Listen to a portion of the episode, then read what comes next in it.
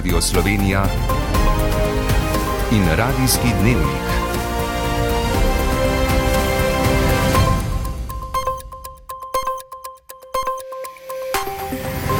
Ura je 18 in 30 minut. Pozdravljeni. V obdobju večjega števila okužb dihal je pomankanje družinskih zdravnikov toliko bolj vidno. Bolniki brez osebnega zdravnika namreč po pomoč v večji meri prihajajo tudi v urgentne centre. Pristojni minister Daniel Bešič Loredan povdarja, da bi ob zaključku reforme čez največ tri leta vsak mogel imeti svojega osebnega izbranega zdravnika, ki ga želi. Več nadaljevanje odaje, ki prinaša še. Uložena pobuda za oceno ustavnosti novele zakona o radioteleviziji Slovenija. Na mejnem prehodu Petrina še zadnje prednovoletno srečanje prebivalcev pred vstopom Hrvaške v Schengen. Smučarska skakavka Nika Križnar, tretja na uvodni preizkušnji silvestrske turneje. Jutri večinoma oblačno, nekaj kapelj dežja na primorskem in notranskem. Z vami sva Barbara Zupan in Katja Podgoršek. V Sloveniji na primarni ravni primankuje približno 300 zdravnikov, na sekundarni oziroma specialistični ravni pa jih je dovolj, ocenjuje ministr za zdravje Daniel Bešič Loredan. Velik problem ostajajo čakalne dobe, saj naj bi na eno izmed zdravstvenih storitev nedopustno dolgo čakalo 400 tisoč ljudi. Trenutno se popreče čakalnih dob sicer ne podaljšuje.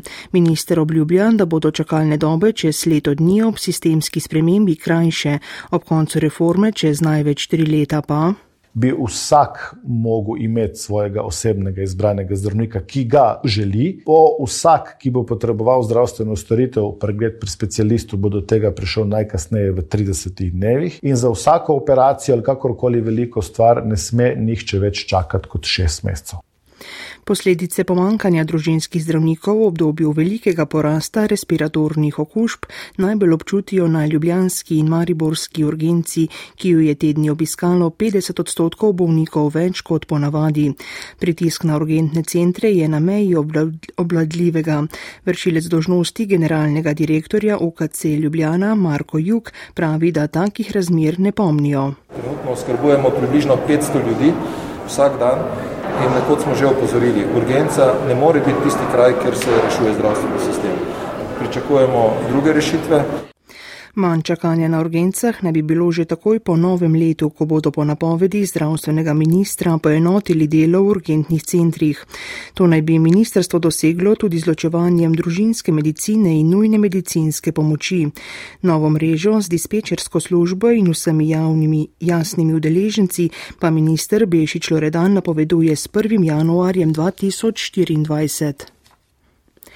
Danes so začele veljati novele zakonov o vladi, dolgotrajni oskrbi in RTV Slovenija, potrjene, potrjene na novembrskih referendumih. S premembami zakona o RTV Slovenija se je končal mandat generalnega direktorja, direktorjev radija in televizije ter članov programskega in nadzornega sveta. Ob tem je bila pod taktirko pravnika Mateja Aublja in predsednika programskega sveta Petra Gregorčiča uložena ustavna presoja novele zakona v kateri pobudniki ustavnemu sodišču predlagajo tudi začasno zadržanje uresničevanja zakona in javno obravnavo. Na Ministrstvu za kulturo ustavni presoji vidijo potezo, s katero pobudniki zavlačujejo uresničitev sprememb. Prepričani so tudi, da bo novela zakona prebila ustavno presojo, da je spremembami zakona o RTV Slovenija vse tako, kot mora biti, zatarjujejo tudi upravni mreži za varstvo demokracije, ki je pomagala pri pripravi sprememb. Podrobneje Nataša Mulec. Da bo na spremembe zakona o RTV Slovenija vložena ustavna presoja, je bilo znano že nekaj časa. Predsednik programskega sveta Petr Gregorčič kot ustavno sporno vidi prečasno prenehanje mandatov vodstev, pa tudi članov programskega in nadzornega sveta. Začasno zadržanje sprememb zakona je nujno, saj lahko pride do nepopravljivih posledic, še dodaja Gregorčič. Vlada s to novelo ni temeljno uredila imenovanja posameznih članov novega sveta. To bi lahko privedlo tudi do situacije, ko bi RTV Slovenija bil dalj časa brez organov upravljanja nadzora v polni sestavi, kar bi lahko dolgoročno ogrozilo tudi izvajanje javne službe. Da je zakon dober in da je bil potrjen v državnem zboru ter na referendumu, odgovarja ministrica za kulturo Asta Vrečko in še, da neodvisna RTV pomeni javni interes, ki prevlada nad interesom posameznikov, da obdržijo funkcijo. Na Ministrstvu za kulturo glede vložitve eh, ustavne presoje razumemo kot še en zavlačevalni manever eh, predlagateljev. Da argumenti Ministrstva za kulturo glede potrditve sprememb zakona o RTV Slovenija v državnem zboru in na referendumu ne povedo nič o ustavnosti predpisa, pa povdarja avtor pobude za vložitev ustavne presoje, pravnik Matej Aubel. Vsaka oblast, tudi ljudska, na referendumu se lahko izvaja samo v okviru ustave in vsaka oblastna odločitev se mora gibati v okviru ustavno dopustnih možnosti. V pravni mreži za varstvo demokracije, ki je pomagala pri pripravi sprememb zakona o RTV Slovenija, zatrjujejo, da so predpisi v skladu z ustavo. Anuška Podvršič je ob tem ponovila. Glavni namen zakona je to, da se čim bolj omeji vpliv politike na RTV in ravno zaradi tega tudi trenutni člani organov vodenja in nadzora ne morejo nadaljevati dela. Sicer pa obe strani napovedujeta, da bosta spoštovali odločitev ustavnega sodišča, ne glede na to, kakšna ta odločitev bo. Združeni narodi so sporočili, da je bilo v desetih mesecih vojne v Ukrajini ubitih skoraj 7 tisoč civilistov, 11 tisoč je bilo ranjenih. Hkrati so v organizaciji podarili, da je pravo število žrtev najverjetneje veliko više. Ruska vojska je znova okrepila raketne napade na nekatera mesta v Ukrajini, najbolje na udaru Herson, ki so ga Ukrajinci osvobodili v začetku novembra. Sirene za zračne napade so se oglasile tudi v Kijevu in Harkovu. Ukrajinski predsednik Volodimir Zelenski je medtem predstavil načrt za mirovna pogajanja, ki pa v mednarodni javnosti ni naletel na vse splošno odobravanje. Načrt med drugim zahteva umik Rusije z vseh zasedenih območij, tudi z Krima. Generalni sekretar Organizacije Združenih narodov je v odzivu dejal, da mirovnih pogovorov v bližji prihodnosti ni pričakovati. Iz Moskve pa so sporočili, da mirovnega načrta ni in ga tudi ne more biti, če ne upošteva priključitve štirih zasedenih ozemelj v sestav Ruske federacije. Potem, ko naj bi v Beogradu dobili, kot pravijo do zdaj, najtrdnejša zagotovila Evropske unije in Združenih držav Amerike, ko gre za zahteve Srbov, je predsednik Aleksandar Vučić Srbe na Kosovo pozval naj umaknejo barikade. Z njimi se bo nocoj sestav še enkrat. Na srbski strani so sicer z barikado zaprli tudi prehod Merdare. Kosovski premijer Albin Kurti je medtem oziroma predtem dejal, da se mednarodnim silam KFOR izteka čas za odstranitev barikat na severu države. Te po njegovem mnenju ovirajo svobodo gibanja, so nezakonite, nesprejemljive in jih ne bodo tolerirali. Povdaril je, da se Priština ne bo pogovarjala s kriminalci, ki so jih postavili, niti sodelovala z njimi, ampak jih bo aretirala. Ameriško ustavno sodišče je podaljšalo veljavo 42. člena migracijske zakonodaje, ki dopušča deportacije migrantov iz zdravstvenih razlogov. Veljavnost člena, na podlagi katerega so v prejšnjih treh letih izgnali približno 2,5 milijona ljudi, bi se sicer končala 21. decembra. Ustavno sodišče je tako odločilo na pobudo 19 zvezdnih držav, ki ocenjujejo, da bi se brez tega člena za imigracijo odločalo vse več ljudi medtem ko nasprotniki trdijo, da se bo zaradi podaljšanja veljave tega člena povečalo število nevarnih ilegalnih poskusov prestopa meje. Rajka Pervanje. Administracija ameriškega predsednika Joea Bidna je sporočila, da bo spoštovala odločitev ustavnega sodišča, ob tem pa povdarila nujno sprejetja celovite reforme imigracijske politike, ki bi imigrantom omogočila humane in legalne poti. Profesor imigracijskih politik na univerzi George Mason Justin Guest ocenjuje, da podaljšanje veljave 42. člena oblasti prinaša razbremenitev, pa čeprav tega ne prizna. Doslej namreč ni uspela pripraviti jasnega načrta za soočanje z neizogibnim velikim pritokom migrantov, ki bi sledil razveljavitvi člena. Lokalne oblasti na obmejnih območjih in humanitarne organizacije pa svarijo, da so že zdaj preobremenjeni. The Mark Sherman iz Associated Press je povedal, da gre za politiko sprejeto v času Trumpove administracije na začetku pandemije, da gre torej za zdravstveno politiko. Pravniki opozarjajo, da zdravstvenih razlogov za veljavo tega določila ni več, nasprotniki 42. člena pa trdijo, da nadaljevanje obstoječe politike ljudem, ki bežijo pred nasiljem in preganjenjem, onemogoča pridobiti zatočišče, do katerega so upravičeni v skladu z ameriškim in mednarodnim pravom. Direktor Hopa Elias Rodriguez je izrazil prepričanje, da se bo večje število ljudi, ki bi sicer lahko v ZDA vstopili po legalni poti, mejo zdaj prečkalo ilegalno čez gore in na drugih možnih območjih. Ustavno sodišče je še sporočilo, da bo februarja začelo obravnavo pritožb na odločitev. Španska vlada je tik pred novim letom sprejela nove ukrepe za zajezitev inflacije. Ti med drugim vključujejo popolno odpravo davka na dodano vrednost za osnovna živila za prihodnjih šest mesecev in enkratno pomoč družinam z najnižjimi prihodki. Zadnje raziskave med drugim kažejo, da kar tretjina prebivalcev Balearskih otokov ne zmore več plačevati rednih stroškov. Špela Novak. Tudi Španija se tako kot druge evropske države sooča z naraščajočimi življenskimi stroški. Vlada je v minulih mesecih sprejela že več ukrepov za pomoč gospodinstvom, ki jih zdaj podaljšuje. Med drugim gre za omejitev zvišanja najemnin za nepremičnine in za znižanje davkov na energijo. Poleg tega pa odpravlja davek na dodano vrednost za osnovne prehranske proizvode, kot so kruh, mleko in sir, jajca, sadje in zelenjava in žitarice. Kot je dejal premijer Pedro Sanchez, je vlada DDV na vsa osnovna živila za šest mesecev znižala štirih odstotkov na nič odstotkov, za olje in testenine pa z desetih na pet odstotkov. To je dober ukrep, vendar bi ga morala vlada sprijeti že prej. K temu jo pozivamo že od januarja, pravi predstavnik Španske zveze potrošnikov. Vlada podaljšuje tudi subvencioniranje vozovnic za vlak, medtem ko odpravlja splošno znižanje cene goriva za vse in ta ukrep ohranja le za prevoznike. Družinam z letnim prihodkom pod 27 tisoč evrov bo vlada namenila po 200 evrov enkratnega dodatka. Gre za 4 milijone 200 tisoč družin.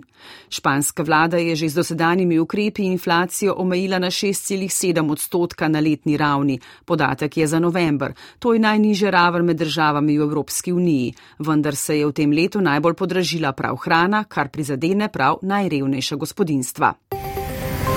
Radijski dnevnik. Za Slovenci v Italiji je živahno volilno leto. V vrhu države ostaja predsednik Sergio Mattarella, ki jim je izkazal naklonjenost tudi z navzočnostjo o prepisu lasništva Državskega narodnega doma marca letos. Konec septembra pa je vladno krmilo v državi prevzela skrajna desnica, ki je manjšini vse prej kot naklonjena. Tako Slovence v Italiji na eni strani bremenijo izzivi na političnem področju. Živahnost kulturnega življenja, ki se je obudilo po dveh letih pandemije pa jim uliva novih moči. Špela Lenardič. Tradicionalne kraške ohceti se je avgusta udeležilo rekordno število ljudi in kar tisoč svatov v narodnih nošah. Benečane je ponovno združil priljubljeni glasbeni festival Senjam Beneške pesmi, ki ga je obiskal tudi predsednik Borut Pahor. Da igra manjšina ključno vlogo v meddržavnih odnosih, je s prisotnostjo ob pripisu lastništva Narodnega doma na Slovensko fundacijo potrdil tudi italijanski predsednik Sergio Mattarella. Predsednika sta pripomogla k uresničitvi dolgoletnih sanj Walter Bandel, predsednik sveta slovenskih organizacij. Nihče si ni pričakoval, da bomo spremenjali 19. člen, tako da smo postali lastniki te stavbe. Zdaj bo treba počakati na prenovo stavbe, v katero se bo preselila fakulteta za prevajalce. Skrajno desnico na oblasti je pričakovati, da se bo preziranje tržaške občine nadaljevalo. Ta slovenskim društvom še ni zagotovila nadomestnih prostorov, zatem ko jim je oduzela stavbe na Padričah. Preslišane so prošnje za poimenovanje ulic po slovenskih kulturnikih ali odprtju slovenskih jasli, opozarja Ksenja Dobrila, predsednica Slovenske kulturno-gospodarske zveze. Imamo potem tudi podatke upisov na čakalno listo v slovenske jasli, ki se suče tam okrog 90 neuslišanih prošenj. Slovenci si želijo več avtonomije pri upravljanju slovenskega šolstva, posodobitev pogodbe, ki določa slovenske vsebine državne radiotelevizije in olajšano izvolitev predstavnika v Rim. Spoštovanje pravic, ki so bile v zaščitnem zakonu že zapisane pred 21 leti. Med njimi je tudi obnova Narodnega doma pri Svetem Ivanu, ki bo prihodnje leto zaživel kot sodobno mladinsko in raziskovalno središče. Razveselil bi se ga tudi letos preminuli tržaški pisatelj Boris Pahor, ki je zgodbo slovencev v Italiji popeljal v svet. Točno opoldne so se pred vstopom Hrvaške v šengensko območje na mostu čez Kolpo na mejnem prehodu v Petrina srečali domačini z obeh bregov reke, predstavniki lokalnih skupnosti, policiji in društev. Tam je bil tudi Marko Škrl. Številni udeleženci tradicionalnega že 17. prednovoletnega srečanja na meji se veselijo 1. januarja, ko bo meja spet le formalna črta na zemljevidu, oba bregova kolpe pa združena, kot sta nekoč že bila. Za občino Kostov je to izjemnega pomena, pravi tamkajšnja županja Nataša Turk. Saj imamo na tej strani, na desnem bregu eh, Kolpe, eh, trgovino, potem imamo tudi eh, gostilno. Poslej ne bo več treba med čakanjem v kolonah brskati po žepih in iskati kune ter osebne dokumente. Prej, ko smo hodili čez mejo, si moral vedno misliti, imam, nimam. To bo seveda zdaj olajšano, ker dobijo s prvim prvim valuto evro. Njena hrvaška kolegica, županja delnic Katarina Mihelčič, povdarja, da ljudi z obeh bregov Kolpe niso razdvojile ne meja z žico na njej, niti pandemija. To vrstna srečanja pa bodo ohranjali še naprej. Imamo zajedničke projekte, imamo neke zajedničke poveznice. Imamo skupne projekte in stične točke in mislim, da smo vsi ena skupnost, ki jo Kolpa povezuje in ne razdvaja. Zato verjamem, da bo tako ostalo za vselej. S 1. januarjem bodo na mejnih prehodih dvignili zapornice. Po besedah inšpektorja policijske uprave Ljubljana Boštjana Jerama bo ostal le še selektivni nadzor. Z ciljem odkrivanja čezmejne kriminalitete in eh, nedovoljenih migracij. Odprava nadzora na meji s Hrvaško veliko pomeni tudi domačinom Ivanka in Marjan Glad. Mi hodimo skozi vse nekje na eno in drugo stran. Pa bo bilo tako, kot je nekdaj bilo. Dosti pomeni, da tega ni, ni trebalo biti. Vsi skupaj pa si želijo, da bi iz brega Kolpe čimprej odstranili še ograjo z bodečo žico, saj je, kot povdarjajo, že dolgo nepotrebno. Če ste preslišali začetek oddaje, ponovimo. V naši državi na eno izmed zdravstvenih storitev čaka 1,2 milijona ljudi, od teh tretjina nedopustno dolgo. Pristojni minister Daniel Bešič Loredan povdarja, da bi morali ob koncu reforme, čez največ tri leta, vsi prebivalci imeti osebnega zdravnika. Na pregled pri specialistu ne bi smeli čakati več kot 30 dni, na operativni poseg pa ne več kot pol leta. Danes so začele veljati novele zakonov o vladi, dolgotrajni oskrbi in RTV Slovenija. Glede zadnje so danes uložili pobudo za oceno ustavnosti. Sledi šport, med drugim bomo poročali o prvi tekmi silvestrske turneje za smučarske skakavke in o kvalifikacijah skakalcev pred začetkom novoletne turneje. Z vami bo Sandi Škvarč. Želimo vam prijeten večer in srečno!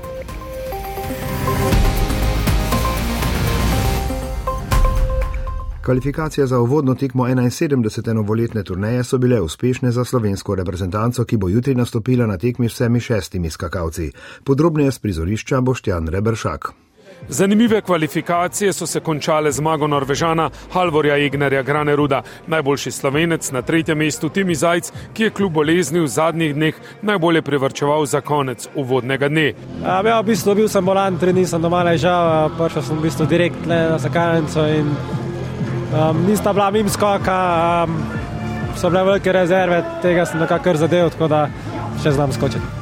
Tin mi bo v prvi seriji skakal proti Japoncu, Džunširu Kobayashiju, japonska tekmeca tudi Zanžeta Laniška, ki na prologu v slogu letošnje sezone še ni blestev, a na obeh treningih dokazal mojstrstvo. Kot 12. v kvalifikacijah bo skakal z Jukijem Sato, 28. Lauro Kos proti Jurju Kobayashiju. V prvi seriji še oba brata Prevc, Peter bo skakal paru s Fincem Antijem Altom, Domen za Avstricem Manuelom Fetnerjem, tudi Žiga Triler bo imel na uvodni tekmi 71. novoletne skakalne turneje pred razprodanim stadionom avstrijskega tekmenca Klemensa Leitnerja.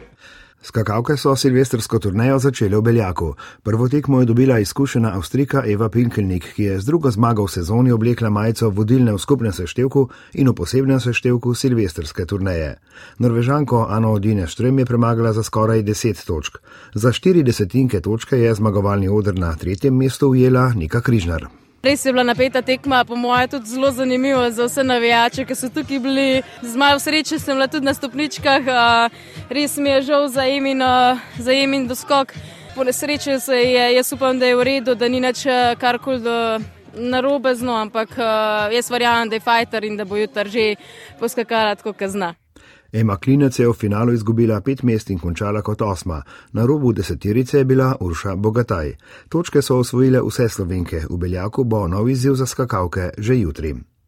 Svetovni pokal v alpskem smučanju je danes ponudil dvojni program in le eno dobitnico točk za slovensko vrsto. Na Semeringu je Ana Bucik ponovila včerajšnje 14. mesto.